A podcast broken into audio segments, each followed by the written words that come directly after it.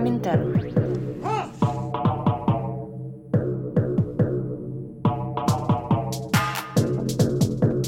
Berätta inte för mig om det svenska klassamhället. Jag har sett det. Jag har växt upp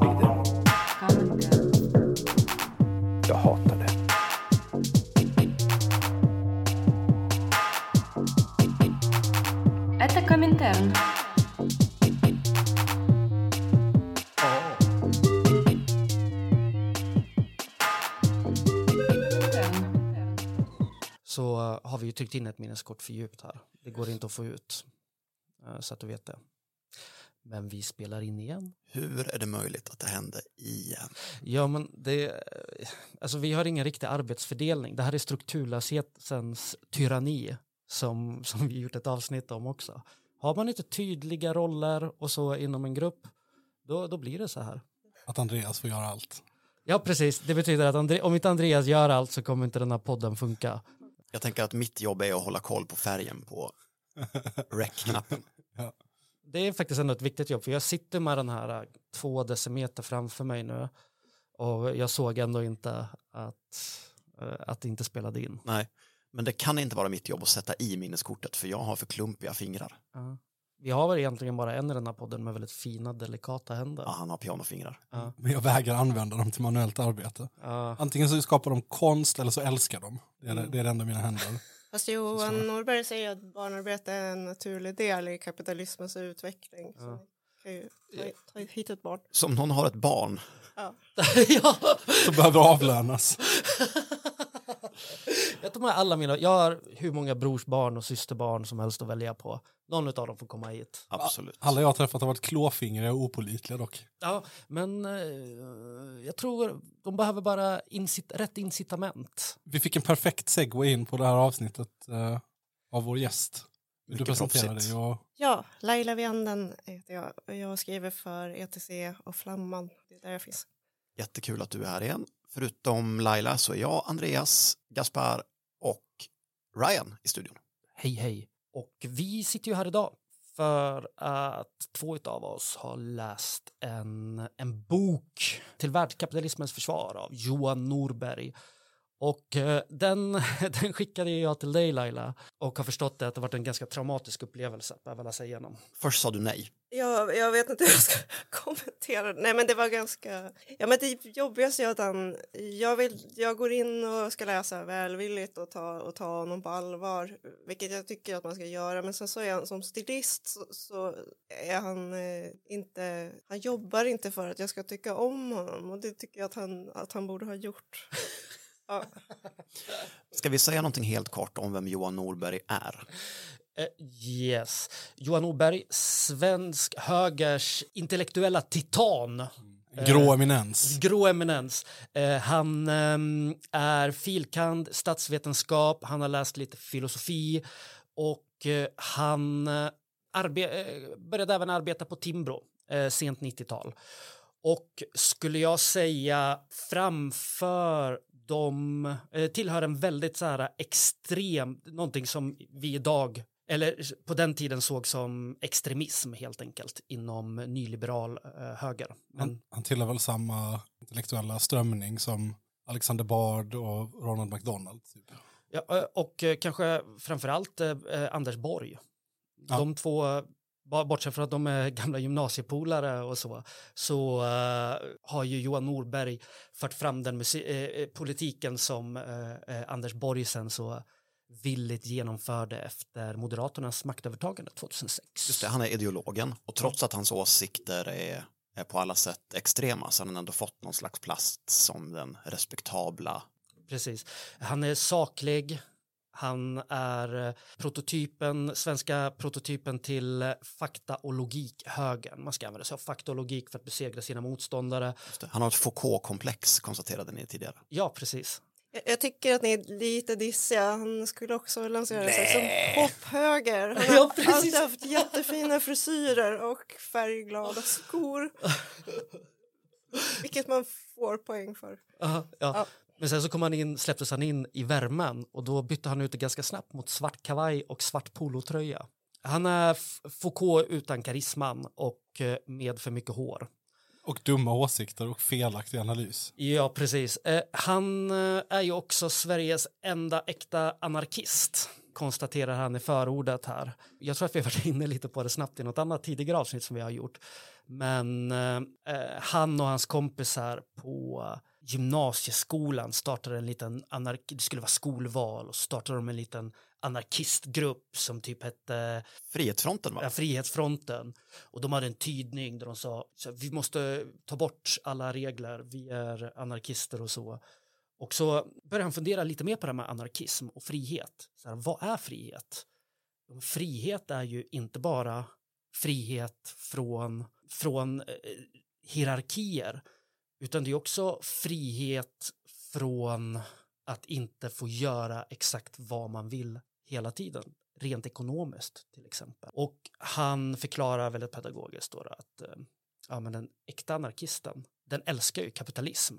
För kapitalism innebär ju total frihet. Frihet till rörelse, frihet till ägande och frihet från förtryckande system som till exempel skatter och allt sånt.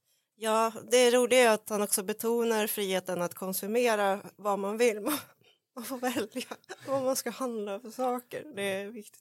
Han, han Det blev- stämmer. Vi stod till exempel och höll i en Dumle sojamjölk och en 17% fett getmjölk på Willys. Och vi kunde välja vilken vi ville. Så vi valde en vanlig komjölk. Men du hade skrivit ner några rubriker som Ja. fångade Johan Norberg som person väldigt väl. Ja, exakt. Eh, bara för att eh, också snabbt säga då, han har jobbat på Timbro, han har jobbat på The Cato Institutes som bland annat eh, stjärnor som, jag tror Henry Kissinger har varit där och så också, sånt amerikanskt, eh, an, eh, amerikansk tankesmedja eh, som analyserar kapitalism och krig och sånt i världen. Jag måste bara, det var en sak som slog mig. Nu sa, skrev ju Norberg då i början av sin bok, jag är, den riktiga, jag är en riktig anarkist, jag är den största anarkisten. Väldigt svårt att tänka sig att man man ska kunna göra den grejen från vänster. Det är svårt att tänka sig en vänsterdebattör som skriver en bok som bara, jag är faktiskt den största nyliberalisten av dem alla. Det är faktiskt jag som är den riktiga fascisten, ursäkta mig. Det Det säger väl någonting om våra olika positioners jag vet inte exakt vad det säger, men det, är väldigt, det säger någonting att det är så omöjligt att tänka sig. Att, att det är liksom, det skulle bara framstå som så bisarrt och frånstötande att högern måste alltid på något sätt låtsas som att den inte är riktigt vad den är. För om den skulle behöva erkänna att den var vad den var, då vill ingen ha med den att göra. Liksom. De måste syssla med olika ideologiska chimärer. Ja. Motsvarigheten skulle kanske vara vi är det riktiga företagarpartiet. Ja, okej. Ja, kanske. Mm, Kanske. Absolut. Precis, exakt. Ja, men man kan ju säga jättemycket om Norberg. Man kan ju säga då att han var, vad sa du, popkonnässör, han är nyliberal titan, eller intellektuell titan, filosof. Men kanske lättaste sättet att lära känna Norberg är genom rubrikerna på hans artiklar, så jag har bara valt ut några här. Att sluta flyga räddar inte världen, bara våra samveten. Om du vill se hoppet för miljön, Se dig omkring. Globalisering skyddar oss mot pandemier. 2018 var inte bara elände. Mycket blir faktiskt bättre. Och slutligen min favorit. Haven dör. Men vi kan inte sluta med plast. Det är någon slags nyliberal livsstilscoaching som han håller på med. Det, men det är ju ganska peppigt, det får man ändå ge honom. Att han, han, han försöker hålla ångan uppe. ja, ja, precis. Hålla ångan uppe är, är verkligen Ja, men han är en obotlig optimist. Absolut. Det, är han. En- Tror ni någonsin att han s- vak vaknar, sätter på tv, ser på nyheterna och tänker genuint att han, att han kan bli så mörk i sinnet och känna oj, det här som hände nu, det var ju inte bra. Men, men han, är väl, han är väl optimist på det där ihåliga, jobbiga sättet som eh, en del förskolepedagoger kan vara. Så här, det ösregnar, man ska ut på utflykt, eh, du vet, så man tappar sin banan i en vattenpöl och är ledsen. Och så kommer, så kommer de fram och säger så, ja ja men, men, men snart kommer vi tillbaka och då är det vilostund. Alltså man bara så, åh gött, jag vet, det, här måste, det här är en brist i din själ som gör att du kan vara så här glad hela tiden. Jag håller med. Det är en, hurt, det är en stark hurtighetsprägel av det. Och hurtighet är ju den eh, lägsta formen av optimism eftersom den saknar verklighetsförankring som vi alla vet. Yes, så då, vi har ju läst den här boken då, Laila, eh, till världskapitalismens försvar. Kan du bara berätta lite snabbt om den? Ja, den, han ger, den kommer ut eh, 2001 när eh, nyliberalismen och den, det projektet som det driver då, det är globaliseringen och den, den har, står på sin peak. Eh, det är hett att vara så här, globaliseringsförespråkare. Men det finns också en, en eh, opposition från vänster i första hand och det, det är väl de, de, den kritiken som man på något sätt försöker bemöta i boken eller i alla fall argumentera för att globaliseringen då är det bästa. Eh, så det, det är under Norbergs guldålder tror jag som, som den här boken kommer ut och tesen som i stora drag som man driver det är att allting kommer bli bättre med globalisering. Vi kommer, historien är inte slut utan den kommer fortsätta utvecklas på ett väldigt positivt sätt. Så han befinner sig liksom mitt i den, ja men i någon slags eh, ideologisk strid, en debattstorm. Och nu kan vi läsa honom som segrarens bidrag också, eller hur? Ja, och ett eh, historiskt dokument. Den är ändå 20 år på nacken, den här boken. Precis för att någonting som vi inte ser idag som vi såg då var ju en väldigt eh, eh stor och global antiglobaliseringsrörelse som fanns hela vägen ifrån Chiapas i Mexiko och eh, till, till eh, Seattle i USA till, eh, till ja, med Sverige. Så det, det, fanns en debatt då kring, kring det idag som, som är helt meningslös att ha just nu för det är globaliseringen är liksom bara ett fakta. Frihandelsavtalen är någonting som bara pumpas ut hela tiden. Skulle du vilja bara ge en liten bakgrund och så, eh, ja men till boken och eh, ja men den tiden vi befinner oss i då? Mm. Det, det, var ju som sagt någon form av nyliberal peak där, där liksom globaliseringsvisionen var eh, i, i topp. Eh, och man kan väl också se det som en form av konservativ eh, revolution som återställer den gamla ordningen. Det är en eh, återgång eller regression, men den presenterar sig själv som progressiv och det är väl det som är så intressant med den också, därför att den Norberg skriver själv, han betonar teknisk utveckling, optimism, liberal antirasism, öppna gränser även för människor, jämställdhet, bättre levnadsförhållanden i fattiga länder och social utveckling. Eh, och motståndarna beskrivs i, både hos Norberg, hans första kapitel och i, debatten i stort som bakåtsträvande och ängsliga, man är rädd för utveckling och så vidare. Och eh, ja, att man är motståndare egentligen till, till social utveckling i fattiga länder framför allt. Precis, eh, bara så, så man kan göra en återkoppling. Han är den sanna progressiva, han, är, eh, han står för den sanna liksom, jämlikheten och jämställdheten för... Ja, men, men han hade hjälp, för hela den här revolutionen genomfördes också av progressiva i Europa och det av människor som kallade sig vänster eller socialister. Det var Blair i Storbritannien, Schröder i Tyskland och Jospin i Frankrike som åberopar socialismen eller, eller socialdemokratin när de genomför den här nyliberala politiken. Eh, och då blir motdebatten från vänster väldigt svår. Positionerna kastas om och det är svårt att nå fram med kritik som kommer från vänster om socialdemokratin. Och det sker också i en tid där Alltså historiskt från 50 fram till 80-talet så har det funnits någon slags konsensus i Europa och också i USA om att man ska tämja eller liksom civilisera kapitalismen och begränsa den på olika sätt i, i någon form av, vi skulle väl kalla det socialdemokrati liksom i ja, löst, lösa termer. Och så, men den, den bryts med östblockets fall på 80-talet och då kan man nästan beskriva det, flödet blir fritt. Det, kapitalflödet blir fritt och utan friktion. och Det blir nästan som ett, som ett upplopp som pågår utan, utan kontroll eller begränsningar. Och i i argumentationen för det här också så, så begår man ungefär eller samma misstag eller man har samma argumentation som man hade under statskommunismen som, som hade brister och eh, man, man utfärdar olika trosartiklar, förnekar möjligheten till alternativ, man gör anspråk på att vara den enda eh, liksom, vägen framåt, man är ofelbar. Och hos Norberg så beror brister liksom, i världen alltid på att vi har för lite kapitalism. Och den kapitalismen finns inte sann, den är inte ren eller den har inte kommit tillräckligt långt.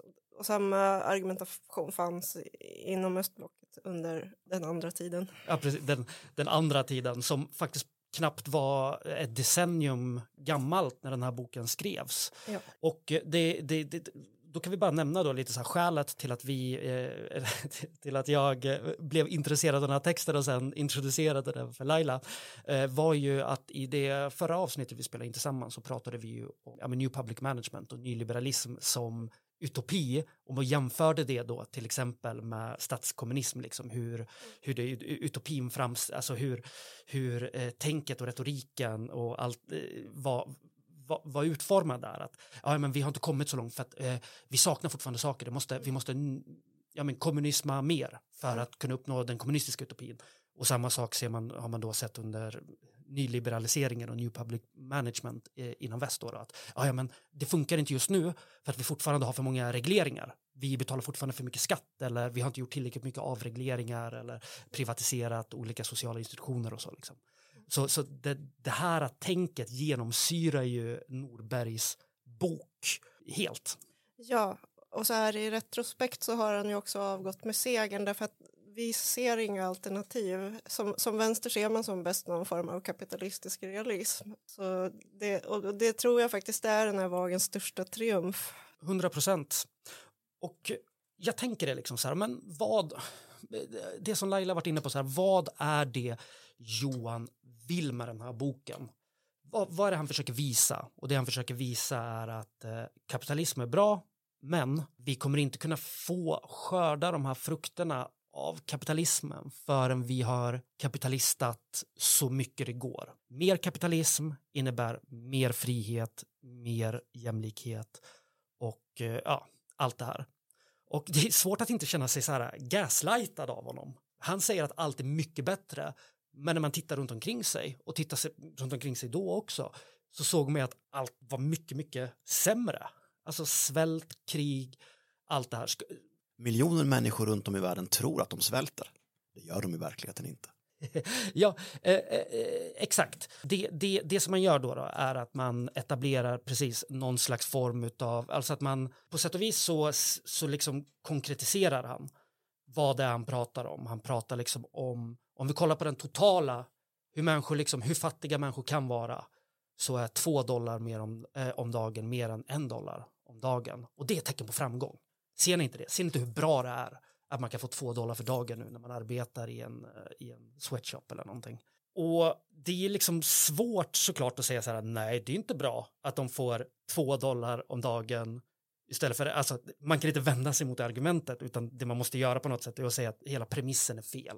Men det, det behöver man inte oroa sig när man läser Johan Norberg, för han har redan bestämt att två dollar om dagen är bättre än en dollar om dagen. När jag eh, läste eh, genusvetenskap A en gång i tiden. Då var begreppet sätta på sig genusglasögonen populärt.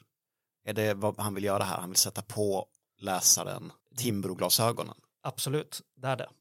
100 procent. Där du Ryan ser en barnarbetare så ser han någon som har fått ett hundraprocentigt lönelyft.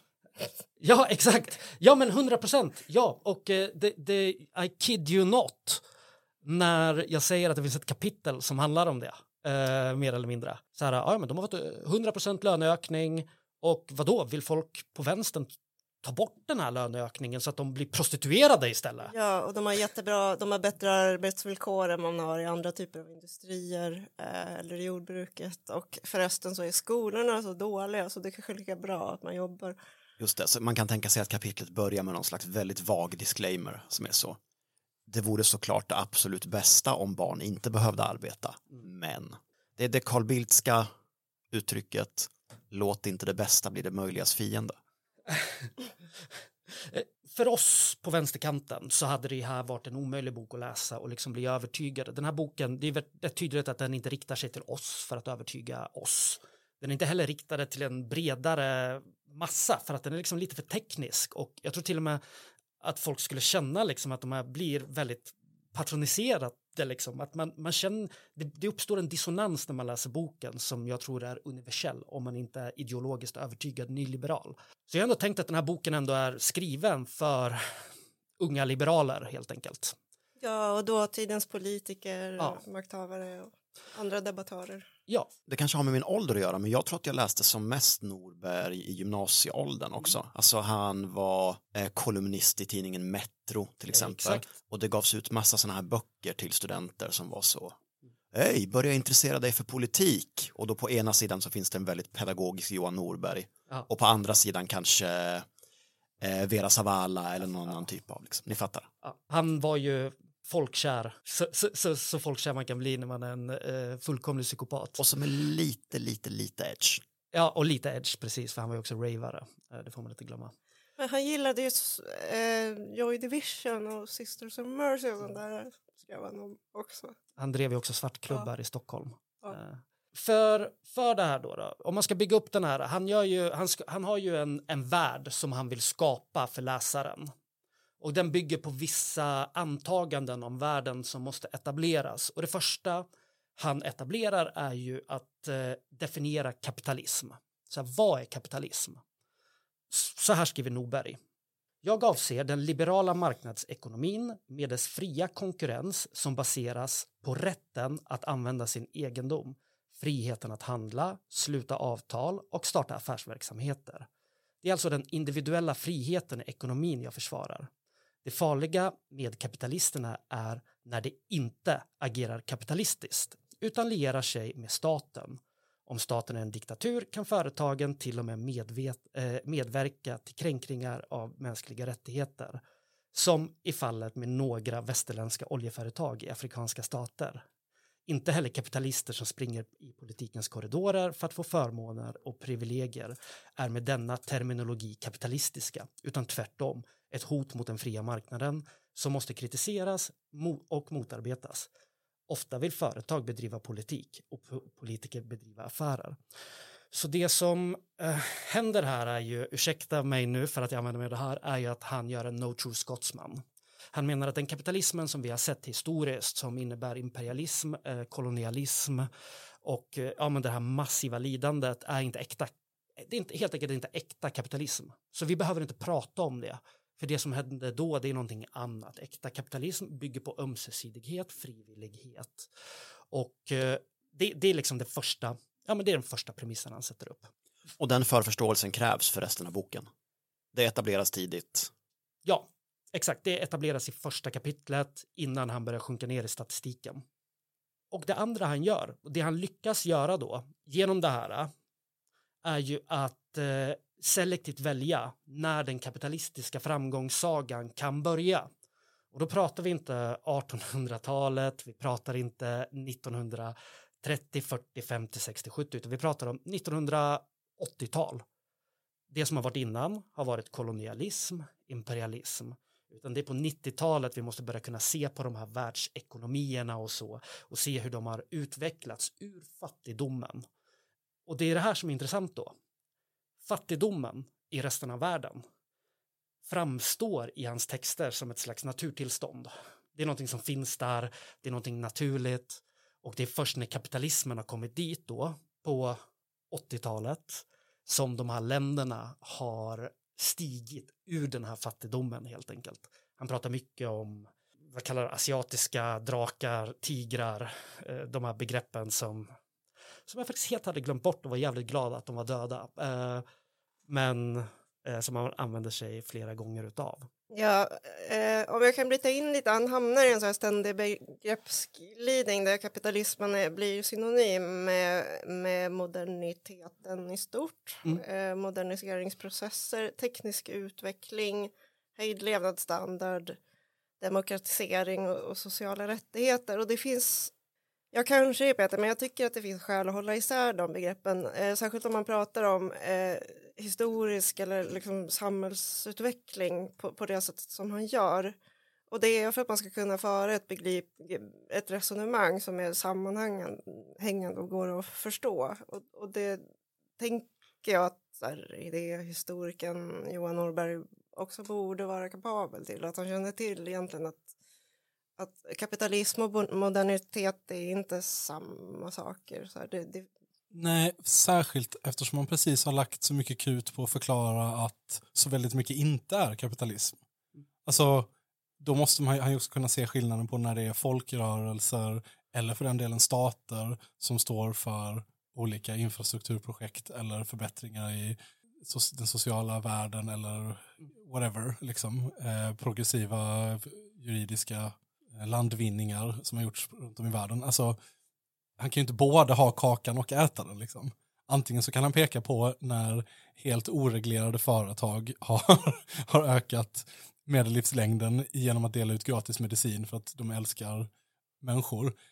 E- eller så får han ju acceptera att det inte är kapitalismen som har gjort det någon, någonstans. Liksom. Hans, eh, eh, det är bra att vi, att vi kommer in på den här nu. För att det finns ju en medveten taktik av Johan att undvika folkrörelser och fackarbete och sånt.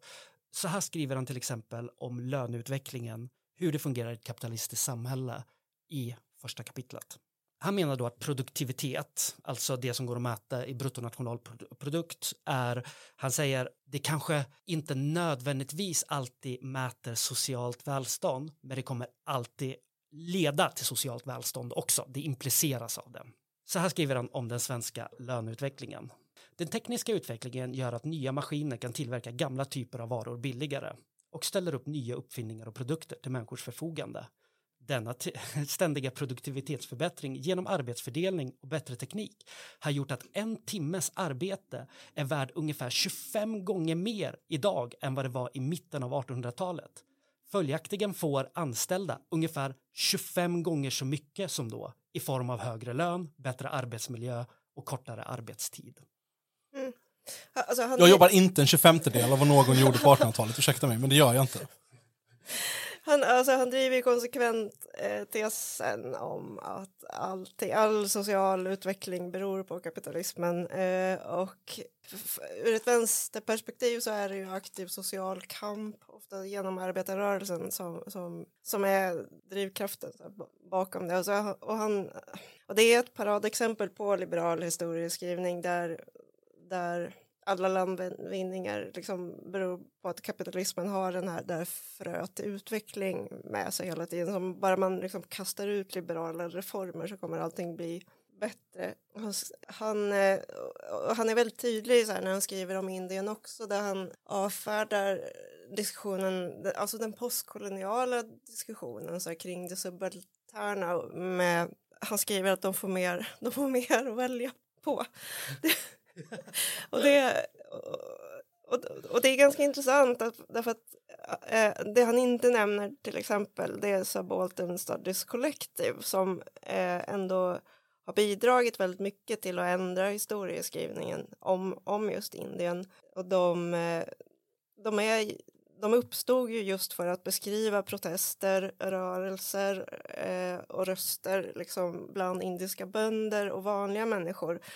Eh, och de vänder sig mot den liberala, just den liberala historieskrivningen eh, och det, det man, man vill skriva fram liksom, de kolonialiserade som ett, som ett subjekt och skriva historien ur, ur deras perspektiv. Och hela det, den diskussionen avfärdar han alltså med att de får, de får två olika livsstilar att välja mellan. En traditionell och, eh, eller också kan man jobba i en sweatshop eh, och, och tjäna pengar. Och köpa en radioapparat. Och det är ganska intressant. Eh, och jag tycker faktiskt det är, en, en ganska våldsam handling så här, som sker i, i hans text där. Jag vet att man, man ska vara försiktig med att prata om så här, våld i, i textform men, men jag, jag tycker att det är, väl, det är väldigt grovt att han skriver bort alla sociala rörelser som eh, drivande för sociala förändringar. Ja, han, han, han undviker det så. Eh, eh, han är liksom notorisk i han undviker det och eh, avskriver det. Och jag måste ju säga, ja, man håller 100% med dig om våldsam, men också det här är en av de mest rasistiska texter jag, jag har läst. Det här är, det, det här är otroligt, ja, otroligt rasistisk text. Den, Så för de människorna där borta har ingen egen agens va? Utan det är liksom kapitalismen i skinande rustning som har kommit in och höjt levnadsstandarden. Ja, och det bygger också på ett förgivandetagande som kommer faktiskt glida in lite på Johan Norbergs tredje argument som han driver genom den här boken. Och eh, det är eh, att han har en utvecklingsfilosofi som liksom bygger på gamla upplysningsideal, alltså någonting som är vederlagt i princip alla, eh, eh histo alla historiker, alla eh, antropologer, eh, social, eh, sociologer och sånt. Men att eh, hela världen består av, eh, det finns en civilisatorisk trappa helt enkelt Primitiva samhällen står längst ner på trappan, utvecklade samhällen de är högst upp på trappan. Det universella här är att alla samhällen kommer förr eller senare vandra den här vägen från ett då så kallat primitivt samhälle till ett högutvecklat samhälle. Men de här samhällena, de kan bara göra det själva. Det är därför som vi till exempel inte kan gå in och dela med oss av teknologi, dela med oss av det välståndet som vi ackumulerat genom århundradena genom att vara imperialistiska kolonialmakter, utan de här måste göra det själva. Och vart börjar man då? Jo, han skriver ett exempel. Precis som svenskar levde i kåkstäder på 1800-talet så måste även personer i Indien, Nigeria, Sydafrika passera det här kåkstadssteget som är kanske på det näst lägsta trappsteget och sen sakta arbeta sig uppåt till att kunna få en lön som motsvarar den lönen vi har i Europa och USA idag. Så därför är, enligt Johan Norberg, två dollar mycket bättre än en dollar i lön. Och barnarbete är positivt. Det, Exakt. det är en del av utvecklingen. Den är inte jätteönskvärd men den, alla måste gå igenom det för att kunna dubbas till civiliserade länder av en Ja. Och så blir marxister kallade för determinister. ja verkligen. Han är ju också, eh, han blir ju identitets, eh, han, eh, han blir värsta identitetspolitiskt uh, uh, förargad också och säger men vilka är vi i väst att tycka att barnarbete är dåligt? Har ni tänkt på hur de har det där rent kulturellt och så? Och visste ni förresten att 70 procent av allt barnarbete sker inom jordbruket. Och jordbruk som vi alla vet, det är ju inte kapitalistiskt. Det vill säga att endast 30 procent av, av de barnen som tvingas arbeta idag, de jobbar inom kapitalistisk verksamhet. Och alltså det är en sån, det är sån makalöst, ja men rasistisk eller nihilistisk eh, människosyn. Alltså då snackar vi om, vad är det han säger, 270 miljoner barn i arbete. 30 procent av 270 miljoner är extremt. Ja, till och med om man går med på hans Ja, definition. om man går med på hans definition, ja exakt. Men man landar hela tiden i den här frågan som vi, där, vi, där våra samtal om olika högerideologer alltid slutar. Man frågar sig, är han dum eller ond? Eh, han är ond. Ja, men jag tycker ändå att här är, det, här är det ganska tydligt att han är ond. Han är en ond och rutten person. Där, den platsen där vi andra har en varm, skimrande, eh, glittrig plats som är vår själ. Där Så- han rasistisk stadieteori. Ja, och ett, s- ett svart hål. Nej, alltså om, eh, han har ju läst Sven-Erik Lidman, han har läst de andra, eh, personer som är väldigt, kan redogöra för väldigt stora händelseförlopp som pratar om sociala rörelser, arbetarrörelsen i Sverige. Men han medvetet väljer ju att inte prata om det. Han känner till det här.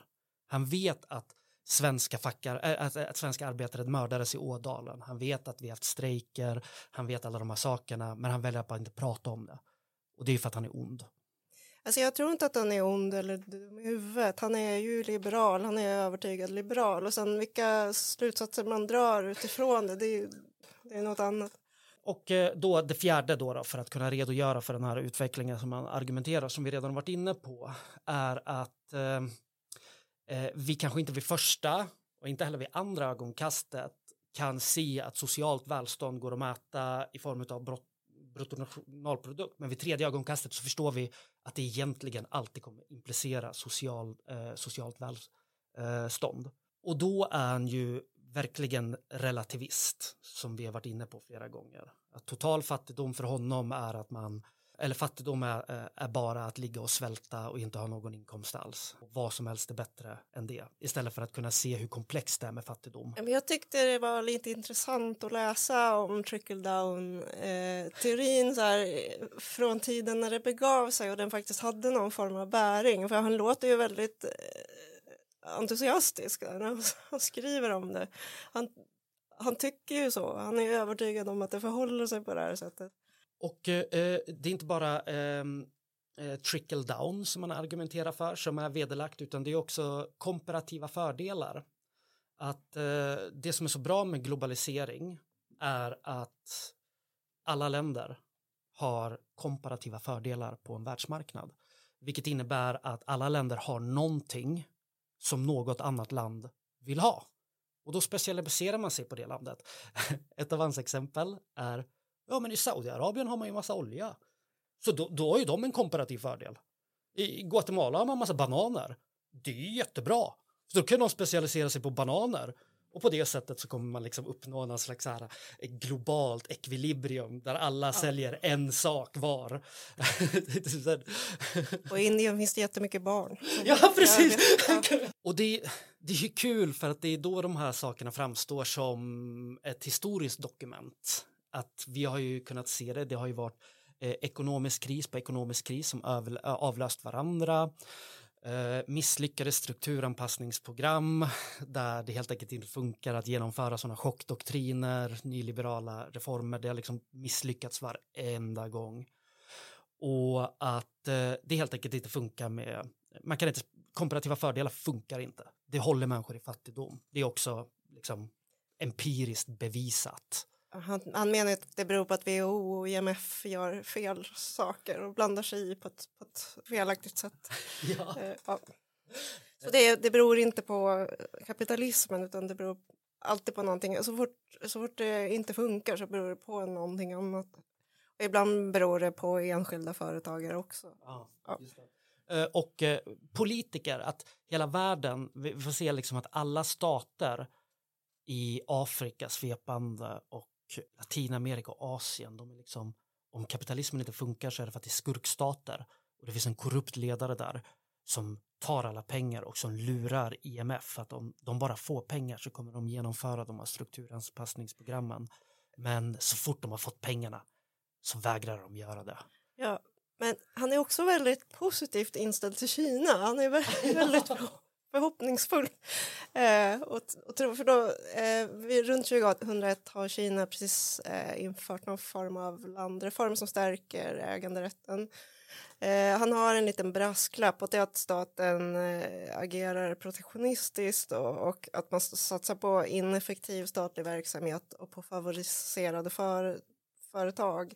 Och det, det är liksom hotet mot den här liberala demokratiseringsprocessen av- Kina i hans värld. Om man tittar liksom 20 år senare så är det just den sektorn som staten har satsat på som eh, orsakar ett handelskrig med USA. Och man har inte kommit närmare någon form av demokrati överhuvudtaget. Men vad spännande, för den här boken innehåller då en del, vad ska man säga, löften eller eh, passager där han försöker förutse framtiden.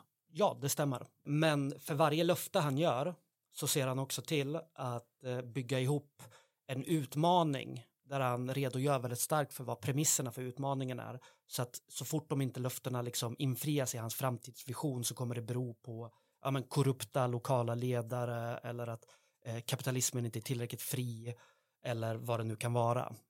Eh, det är kul för att han uppger två framgångsexempel i Afrika så där han säger att de har liberaliserat politiken och faktiskt använt sina IMF-pengar väl.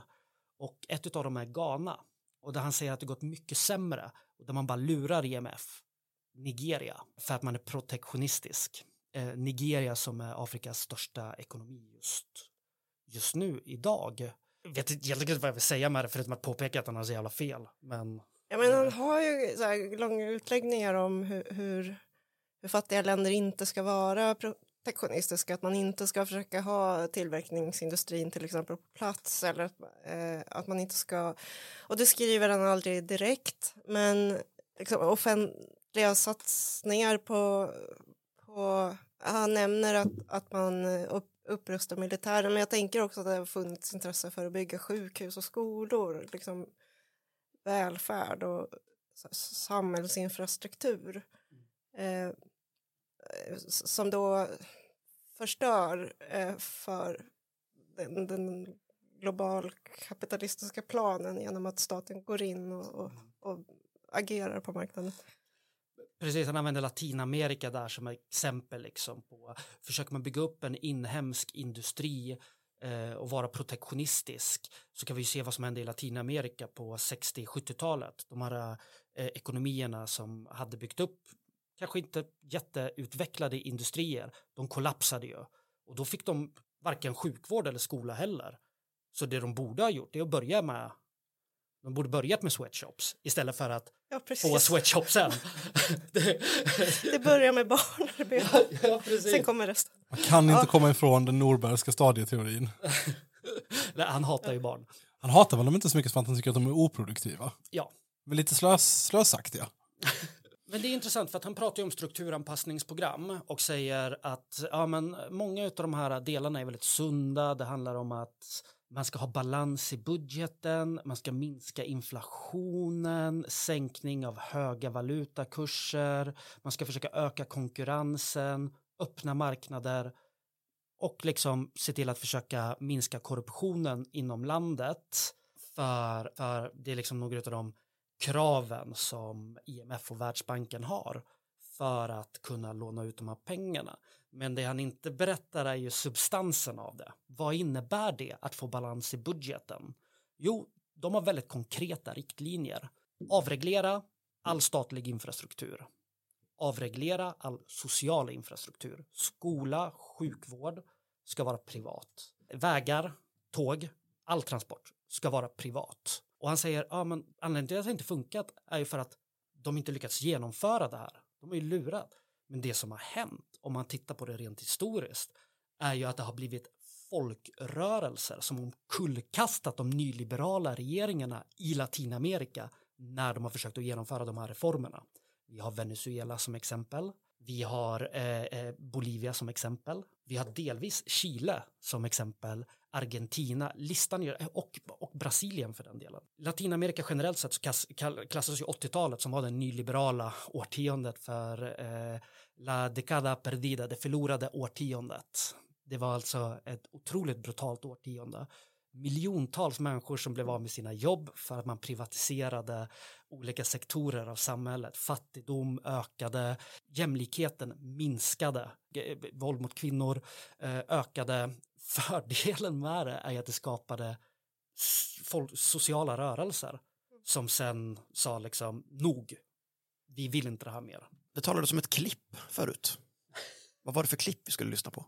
Ja, Norberg har ju, han, han har gjort en eh, dokumentär om Indien som är eh, no, någon form av reklamfilm för, för kapitalismen, eh, in, intåg på, den indiska marknaden. Och så finns det också kortare klipp eh, där han står i någon form av liberal think tank tv-kanal och, och, och ger eh, argumentation. Alltså samma typ av klipp som man kan se inför en valrörelse med, med, med argument. Och ett av, I ett av dem så står han i en, en sweatshop i, åh gud vilket land är det? Bra fråga. Det är ett, asiat, ett ostasiatiskt land eh, och berättar om vad han, vad han tänker om det. Och I bakgrunden så ser man människor som sitter på rad och ser Nike-skor. Nike som bara några år tidigare då exponerats och det blev en stor skandal för de otroligt brutala eh, sweatshopsen de hade, speciellt liksom med, med barn, barnarbete. Är det ett klipp som gör sig även i ljud? Ska vi klippa in det här? We've arrived in the capital, Ho Chi Minh City, once Saigon, and we're on our way to visit the flagship factory of perhaps the most notorious of those multinationals.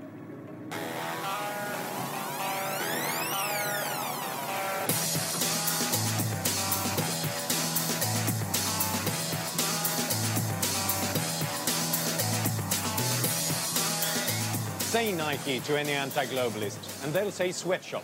Of course, I wouldn't want to work in one. But I've never said that globalization is a smooth ride.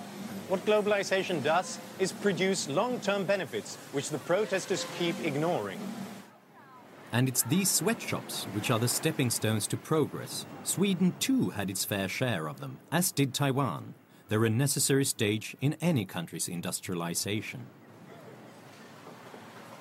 The factory's general manager, Lalit Monteiro, showed me around. What many protesters forget is multinational companies are made up of people, and people take pride in working for a company and they want to do the right thing. One of Nike's maxims is do the right thing, and our employees take that very seriously. So when people protest the brand, we feel that there's a responsibility not only from an ethical standpoint to investigate whether there's truth behind allegations, but also because our brand is one of our greatest assets. For example, Nike as a rule does not employ any workers in any of our contract facilities under the age of 18 for footwear and 16 for apparel.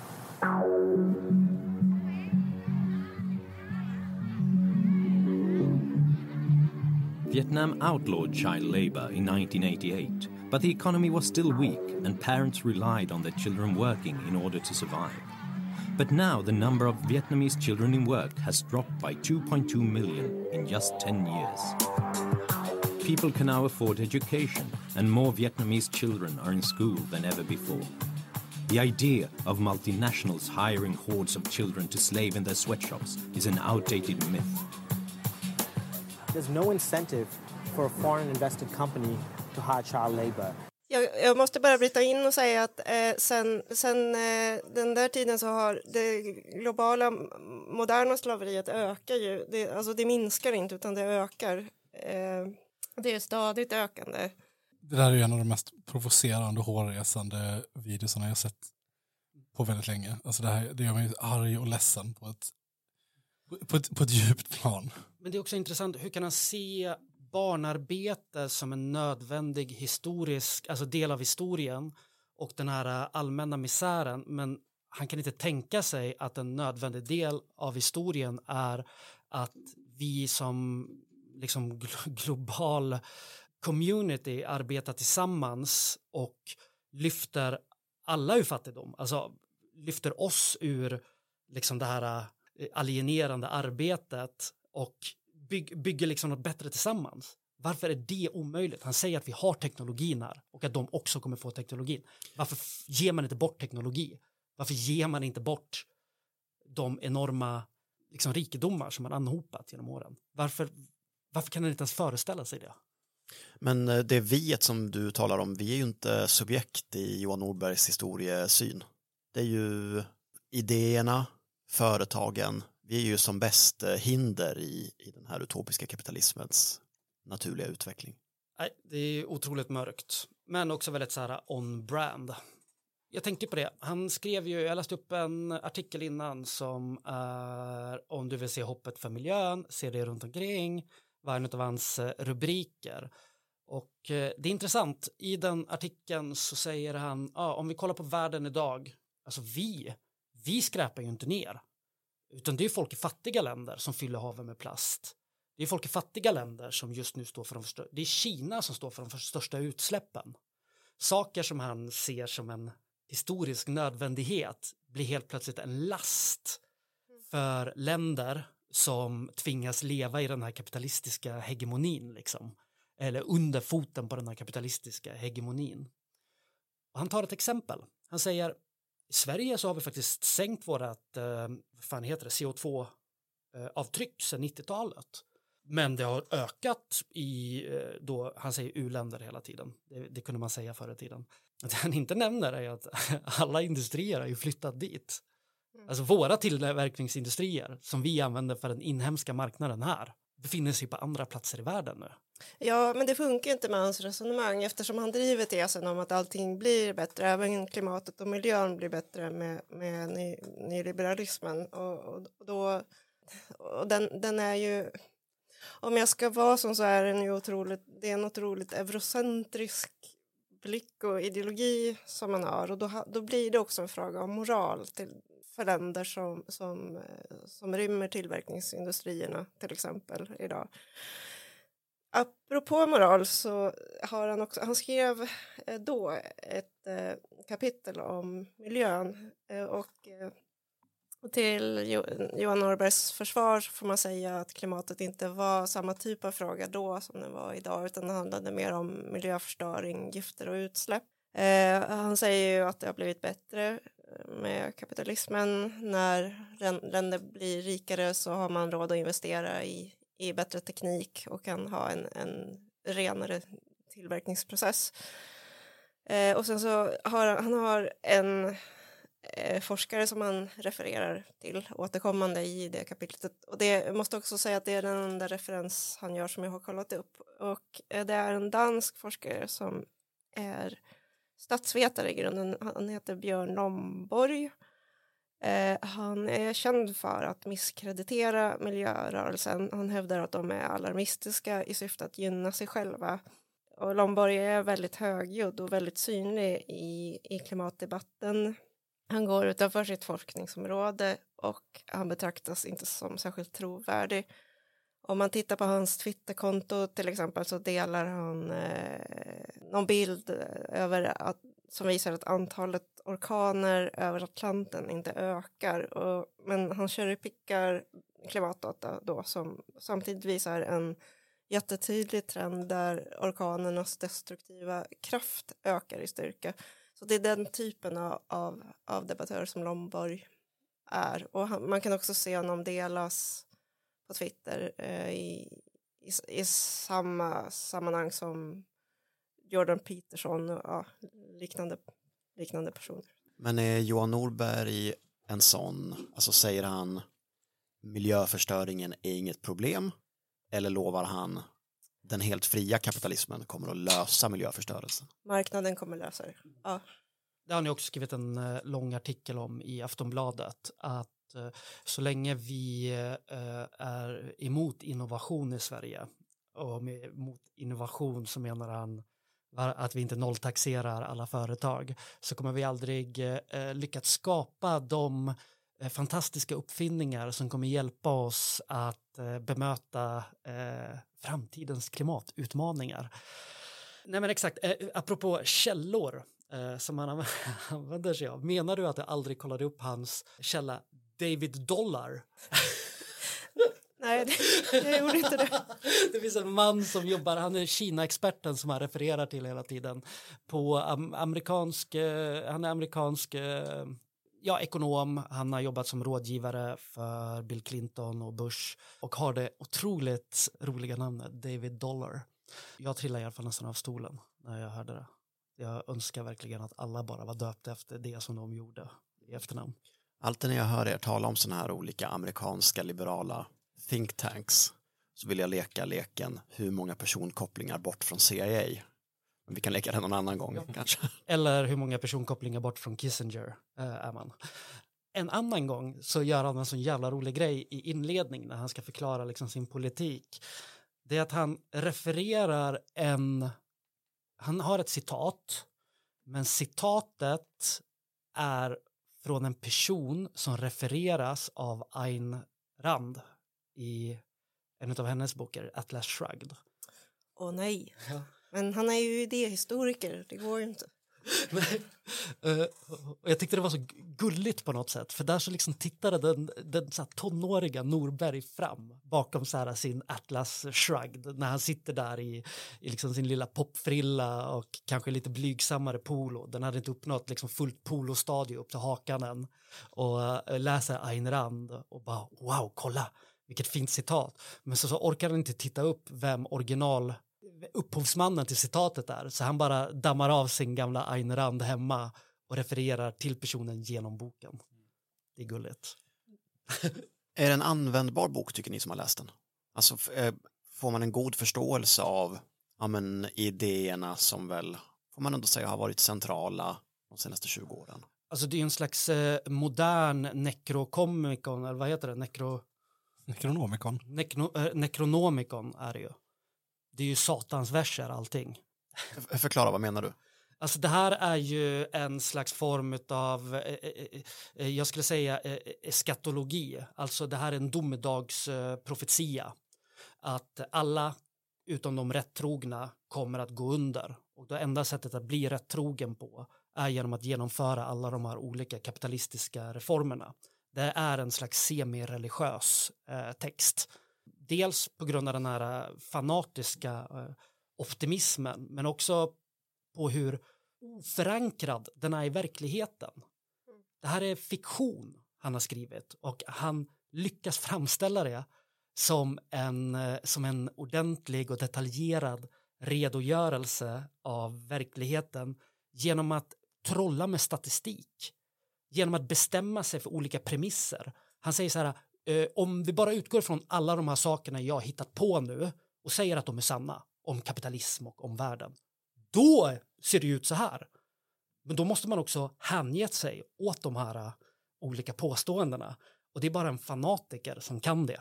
Ja, men han refererar ju tillbaka till sin utopi hela tiden kring, och, och den är, eh, handlar väl om någon form av ständig ut, utveckling eh, på, på ett väldigt optimistiskt sätt. Vilket jag ändå tycker är lite gulligt. Eller, det är fint. Ja, men tror du inte det är behagligt också? Är det inte ett, lätt, ett enklare liv att hänge sig åt John Norbergs fiktion? Och läsa världen med, med Timbro, Timbros glasögon. Eh, 100 procent. Då kan man till exempel slänga ur sig sådana här bangers som man gör i boken. Eh, Folk kritiserar att eh, västvärlden konsumerar 80 procent medan utvecklingsländerna bara konsumerar 20 procent. Men det går ju att förklara med att vi i väst producerar faktiskt 80 procent medan att de i utvecklingsländer bara producerar 20 procent. Mm. Helt ologiskt. Alltså jag menar, eller vad, vad, vad är det för logisk härledning han gör? Va- varför skulle det se ut så? Varför skulle det finnas ett samband där liksom? Han har bara bestämt sig för att det är så det är. Och det är så jag kan leka med siffror. Alltså, jag kan inte spekulera om, om liberalers inre liv. Eh, men Då måste man lära sig att spekulera över tomhet. vad fan. Ursäkta att jag avbröt. Det får... Eh, nej men det är, det är väl säkert eh, trevligt att ha liksom en, en positiv eh, syn på, på framtiden och på möjligheterna till fortsatt utveckling, tänker jag.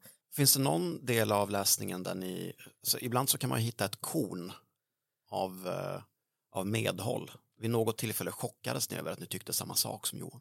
Alltså, man kan väl säga rent krasst att det är väl klart att, att kapitalismen bidrar till en eh, acceleration av alltså det, produktionsmedlen. Produktionsmedlen utvecklas inom kapitalism. Men saken är att de behöver inte utvecklas. Alltså det, det är ingen nödvändighet. Vi behöver inte ha det så här som vi har idag. Men jag tyckte att det var roligt att läsa. Jag kunde nog identifiera mig mer med honom känslomässigt. Just, just att, att han är så glad. Jag läser ganska mycket liberala texter till vardags. Eh, ledartexter som är ideologiska linjetexter oftast. Och de, de är ju och i en så här allmänpolitisk debatt så, så, så är det mer antagonistiskt att man ska hitta angreppspunkter och konfliktlinjer och sådär. Men han, han, eh, han har 277 sidor exklusive referenser och sådär så där han verkligen brer ut sin vision eller sin ja, utopiska blick på världen och, och, och, och låter den liksom ta plats. Eh, och det tyckte jag var fint. Det är någonting som jag kan sakna från vänsterhåll. Vi ser ju bara dystopier. Vi, vi ser ju inte en, eh, en värld som är beboelig för, för befolkningen framför oss. Eh, och vi ser ingen utväg ur det, det system som vi, som vi lever i heller. Utan, ja, så det var ganska uppfriskande att läsa. Så här, någon som tror på. Även om vi inte tror på samma saker så var det roligt. Mm. Ja, det finns ju någon slags form, alltså det roligt, vet jag inte vad jag kände, men det, det, det gick ju att läsa liksom. Man kunde ju gå igenom allting och man kunde förstå vad han menade äh, med sina saker. Men jag, eh, jag fick ändå så här någon slags eh, alltså, klump i magen av det. Han är, han är verkligen, nej, jag känner mig gaslightad genom hela boken. Jag önskar att han hade jobb, lagt ner lite mer jobb på sin stilistik. Och det kan jag tycka är så här genomgående för mycket av Timbro och, och Fri Tankes utgivning. Eh, och även eh, kanske, kanske liksom att man tittar på struktur. Och det är ingen skugga över Johan Norberg men jag funderar ibland över redaktörskap. Det är modigt, han sticker ut hakan och förut, han säger någonting om framtiden och det är modigt att göra för man kan alltid ha fel och det har han. Han har 20 år av empiri emot sig sedan den här boken kom ut. Eh, det har inte blivit bättre. Kapitalismen ohämmad blir eh, destruktiv. Den leder till dessutom till att så här, den- den reala produktionen minskar och då, och då är den ju egentligen inte bra för tillväxten heller. Plus eh, massa, massa bieffekter av, av, eh, av liksom de destruktiva krafterna som finns i, i kapitalismen som, som man ser som tar sig många, många olika uttryck, inte minst via klimatet eh, och så. Så Johan Norberg och empirin är ju ett ganska intressant kapitel att tänka på. Rekommenderar du någon att läsa boken? Nej, men nu har jag gjort det här för, för andras skull så att man behöver inte göra det. Och jag tänker att hur fel Johan Norberg fått genom historien så kan han alltid gå tillbaka till sitt första kapitel och säga ah, det är för att man inte genomfört äkta kapitalism. Ja, och han står ju egentligen för upproret, så här, som man ska, Exakt. den borgerliga revolutionen. Ja, Laila, tack så jättemycket för att du kom idag. Ja, och för att du läste boken. tack för att jag fick läsa. Ska vi avsluta idag Mm. med att spela ett lyssnarmeddelande som vi har fått? Ja. Vi går ut på det idag. Ja. Och eh, bara slutligen tacka alla våra lyssnare för att ni finns. Eh, skicka gärna in sådana här eh, lyssnarmeddelanden till oss så kommer vi publicera dem i samband med eh, våra avsnitt. Och eh, ja, until next time. Adios. Hallå Kominterns lyssnare. Det är Syndikalistiskt forum som pratar. Vi vill tacka er för en underbar radikal bokmässa 2022. Tillsammans har vi gjort den här tionde upplagan till ett minnesvärt jubileum. Vi tackar alla besökare, alla föreläsare med sina intressanta punkter, alla som hade bokbord, alla poeter och konstnärer och speciellt Kvinnofolkhögskolan. Vi vill även rikta ett extra stort tack till alla er kamrater som hjälpte till med att ta pass på mässan. Det kamratskapet vi har här i Göteborg är fantastiskt. En stolt röd-svart gemenskap. Vi har fler än 700 besök över helgen. Gäster och deltagare från hela världen mötes på bokmässan. Vi fick på alla håll diskutera politik, smida planer, knyta kontakt och ha det himla gött ihop. En total jävla seger. Syndikalistiskt forum fortsätter och vi ser fram emot att välkomna er på fler tillställningar under vintern, våren och ännu längre fram. Under tiden besök oss gärna i kaféet. Bläddra i några av de feta böcker vi har här inne. Dryck en kaffe och tjata lite. Vi ser fram emot att se er alla igen. Och återigen, vår ödmjukaste tacksamhet. Er hamn i stormen, Syndikalistiskt forum.